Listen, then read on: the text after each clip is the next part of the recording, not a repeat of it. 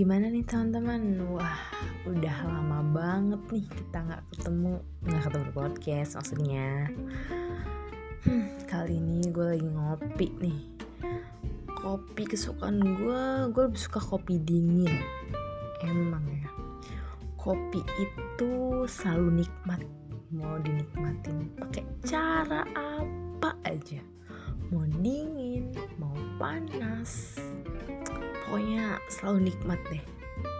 Selalu punya rasa yang unik untuk para pecintanya. Mau ngopi pagi-pagi siang sore malam tetap enak deh pokoknya. Bener nggak nih pecinta kopi? Kita udah lama banget nggak ketemu. Uh, mungkin ada kali ya dua minggu. Karena kemarin-kemarin tuh lagi UTS lagi UTS dan um, pokoknya ya tugas-tugas review lewat podcast tuh lagi nggak ada gitu. Jadi kita kayaknya udah lama banget gue lama nggak bikin podcast ya. Kita kita lama banget nggak ketemu. Oke teman-teman di mana pun kalian berada semoga sehat selalu. Semangat terus jalanin hari-harinya yang lagi UTS atau yang sekarang mau udah mau uas semangat terus pokoknya. Yang sekarang lagi sakit juga semoga cepat disembuhkan. Minta doanya juga buat gue dan keluarga gue ayah gue yang lagi sakit semoga kita semua selalu sehat. Oke okay, gitulah pokoknya. Lanjut ya. Oke okay, kali ini gue bakal bahas tentang hmm, profesi penyuluh agama. Ya, episode kali ini bakal ngebahas tentang aduh apa nih? Tentang uh, profesi penyuluh agama. Kayaknya gue kurang semangat gak sih? Gue semangat kok temen-temen, gue semangat. Oke, kali ini gue bakal bahas tentang profesi penyuluh agama. Ini adalah episode ke-8, yaitu tentang profesi penyuluh agama. Pasti kalian merasa asing dengan namanya profesi penyuluh agama. Emangnya ada ya? Emang mereka kerjanya apa gitu? Terus mereka di mana sih? Mereka ngapain gitu? Pasti kan bertanya-tanya. Makanya simak sampai akhir. Nah profesi penyuluh agama ini ada loh teman-teman. Nah mereka itu ngapain? Kegiatan mereka itu adalah membimbing melalui bahasa agama. Nah intinya itu ya.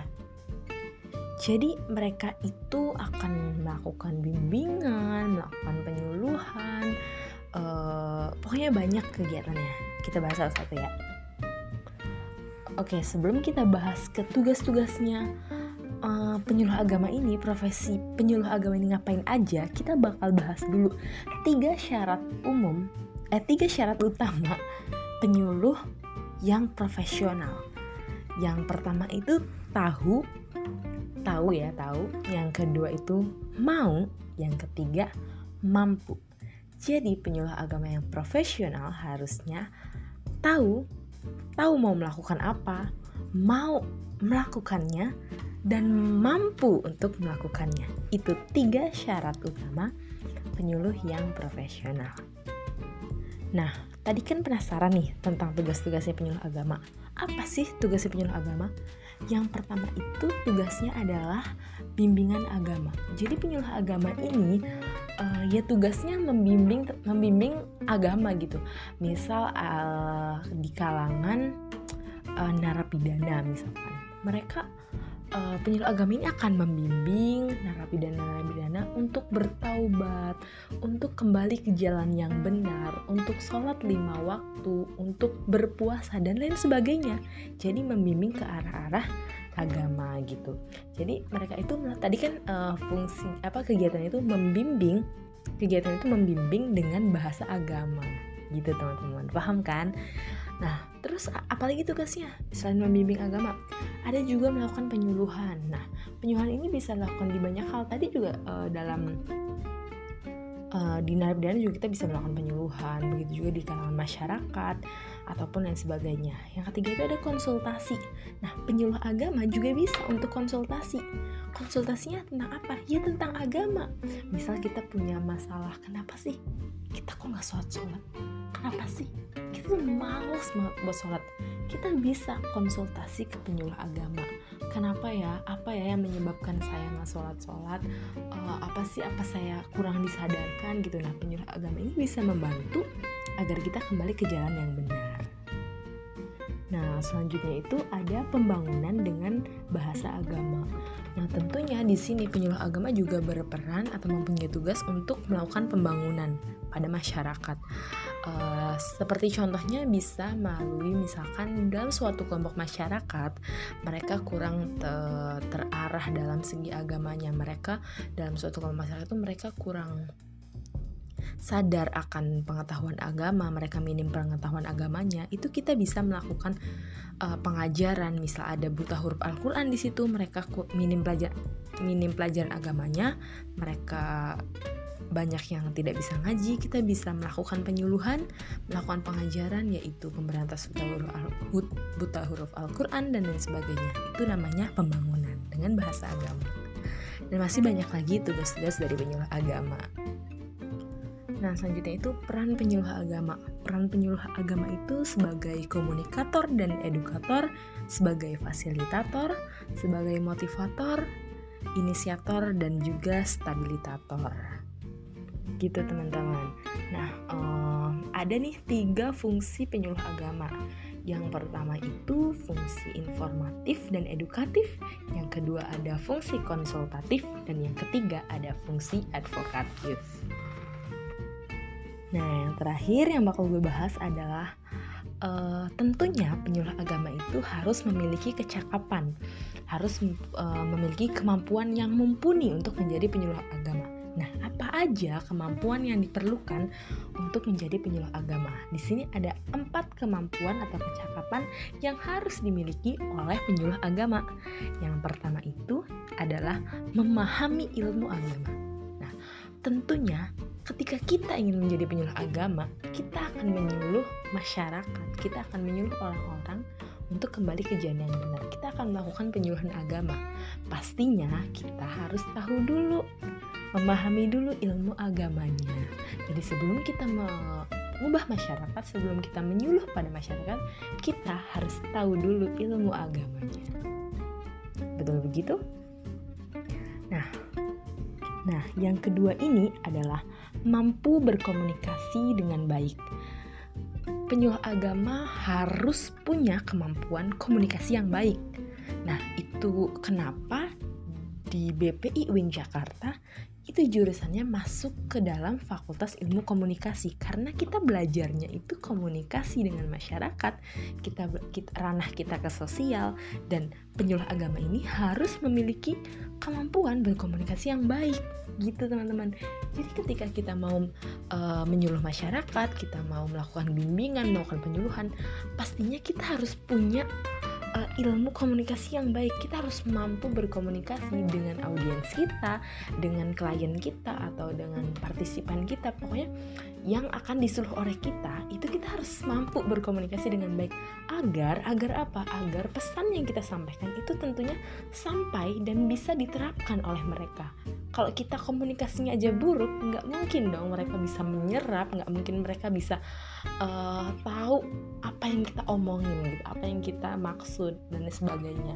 Jadi pastinya penyuluh agama harus punya harus memiliki kemampuan berkomunikasi dengan baik. Nah, yang ketiga ini adalah mampu beradaptasi. Hmm, beberapa dari penyuluh agama mungkin akan dipe, uh, ditempatkan dalam suatu kelompok masyarakat yang jauh, yang kulturnya atau uh, apa di sana kebiasaannya, adat istiadatnya berbeda dengan kita, berbeda dengan si penyuluh agamanya. Nah, si penyuluh agama ini harus mampu beradaptasi dengan uh, masyarakat yang akan ia suluh. Ia harus bisa mampu beradaptasi. Oh, masyarakat di sini ternyata kebiasaannya seperti ini. Kita harus bisa beradaptasi mengikuti eh, kebiasaan-kebiasaan di masyarakat tersebut yang akan kita suluh gitu. Itu, oke. Okay? Nah, yang terakhir itu adalah aktif dalam organisasi serta uh, berakhlak baik. Nah, sebagai penyuluh agama, kita juga harus bisa aktif dalam organisasi karena uh, ilmu dalam organisasi ini akan sangat bermanfaat ketika kita menjalani profesi penyuluh agama. Dan tentunya kita juga harus memiliki uh, keterampilan dalam berorganisasi dan juga kita harus berakhlak baik Nah, ketika penyuluh agama yang berhak baik itu akan mendapat respon yang baik juga oleh uh, masyarakat yang kita suluh, oleh uh, apa partisipan atau audiens yang akan kita suluh. Jadi kalau kita itu kan akan menyuluh untuk uh, mengarahkan mereka ke arah yang lebih baik, menuntun mereka ke jalan yang benar dan ke arah yang lebih baik. Pastinya kita sebagai penyuluh agama harus berhalak baik juga. Kalau kita ingin uh, menyuluh masyarakat agar menjadi baik, otomatis kita juga harus mencontohkan yang baik, yaitu mulai dari diri kita sendiri. Kita juga harus berakhlak baik, seperti itu. Nah, uh, terakhir gue mau cerita tentang pengalaman gue di BPI. Selama gue di BPI ini, gue udah ber, uh, beberapa kali ke KUA, ketemu sama penyuluh agama dan lain-lain. Ternyata penyuluh agama itu ada dua teman-teman. Jadi ada hmm, penyuluh agama PNS pegawai negeri dan yang kedua itu ada penyuluh honorer. Jadi kalau pengurus PNS ini akan lebih ditekankan kepada program-program dari pemerintah.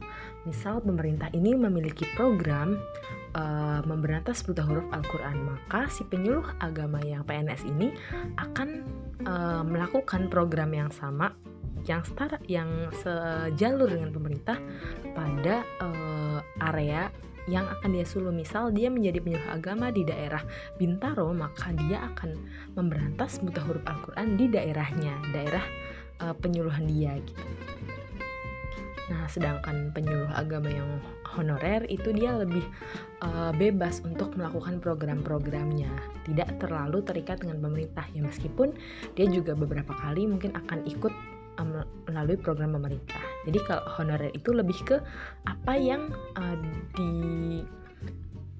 milik uh, bukan apa yang dimiliki, apa yang dibutuhkan oleh daerahnya, maka ia akan melakukan penyuluhan itu. Misal di daerahnya uh, banyak sekali orang yang butuh belajar agama, belajar agama, uh, misalkan ngaji dan sebagainya, daerah dia ini lebih uh, butuh itu, maka dia akan melakukan penyuluhan itu gitu. Jadi dia akan lebih uh, melihat daerahnya yang dibutuhkan apa, maka ia akan melakukan program yang dibutuhkan oleh daerahnya. Seperti itu teman-teman. Nah, uh, mungkin uh, teman-teman juga mikir ya kayak di mana sih tempatnya gitu uh, profesi penyuluh agama ini? Profesi penyuluh agama ini uh, se uh, sedikit yang saya tahu itu ada di KUA atau KUA uh, ada juga di lapas ada juga di rumah sakit rumah sakit ada di panti sosial dinas sosial ada juga di uh, mungkin panti jompo ya setahu saya panti jompo itu ada dan pokoknya masih banyak lagi penyuluh-penyuluh agama. Uh, ditempatkannya itu banyak pokoknya banyak tempatnya. Kebetulan gue sendiri pernah ngobrol sama penyuluh agama di KUA uh, Pesanggerahan Bintaro. Gue juga pernah ngobrol di sama penyuluh agama di KUA Ciputat dan dia tuh programnya uh, kalau yang di KUA Bintaro itu ada program eh Bintaro Pesanggerahan Bintaro itu dia pernah uh, programnya itu ada yang ke rumah sakit rumah sakit. Jadi uh, programnya itu melakukan bimbingan rohani pada pasien-pasien yang kayak kesempatan hidupnya tuh kayak kecil. Maksudnya dia penyakitnya parah uh, dan punya kesempatan hidupnya kecil dan dia penyuluh agama ini akan masuk akan uh, melakukan bimbingan rohani kepada pasien-pasien yang seperti itu supaya dia mempunyai semangat hidup yang lebih tinggi. Mereka di akhir hidupnya mereka bisa uh, punya kebahagiaan gitu. Jadi dilakukanlah bimbingan rohani. Ada juga yang kelapas dan lain sebagainya. Nah, gimana nih teman-teman? Lumayan kan? Udah tahu lah sedikit tentang profesi penyuluh agama. Sebenarnya kalau saya kalau gue itu ya apa pikir-pikir dan pengalaman gue yang tadi gue udah pernah ketemu sama penyuluh ini penyuluh itu dan sama gue belajar di BPI ini gue merasa kalau uh, profesi penyuluh agama agama ini adalah suatu profesi yang sangat mulia gitu. Karena tujuan mereka itu baik mereka ingin menyuluh masyarakat supaya jalan yang benar supaya uh, menjadi orang yang bahagia dunia akhirat lah intinya kayak gitu. Jadi menurut saya profesi penyuluh agama ini sangat-sangat uh, mulia gitu. Semoga penyuluh agama di mana pun itu uh, sehat terus sukses terus. Semoga semua program-programnya lancar pokoknya uh, keren banget buat profesi penyuluh agama. Top. Oke. Sekian dulu dari podcast ngopi asik Semoga podcast kali ini, episode kali ini bisa bermanfaat buat kalian uh, di mana pun kalian berada. Oh iya, satu lagi pengumuman dari gue, nggak sih bukan pengumuman. Jadi uh, gue mau ngasih tau aja, semua ini adalah bisa jadi ini adalah episode terakhir dari podcast ngopi asik di season 1 maksudnya. Jadi ini kan season 1 ya. Uh, karena ini adalah tugas terakhir nih. Selebihnya itu masih ada tugas-tugas lain sih tapi tugas podcast uh, ini yang terakhir. Tapi semoga aja gue punya rencana gue bakal lanjutin podcast ini ke depannya untuk apa pun itu tapi gue mau, mau berlanjut podcast ini. Gue mau lanjutin podcast ini gitu di season 2 jadi teman-teman jangan ke mana-mana bakal ada season 2 dari ngopi asik. Oke ngobrol-ngobrol pintar yang pastinya asik. Sampai jumpa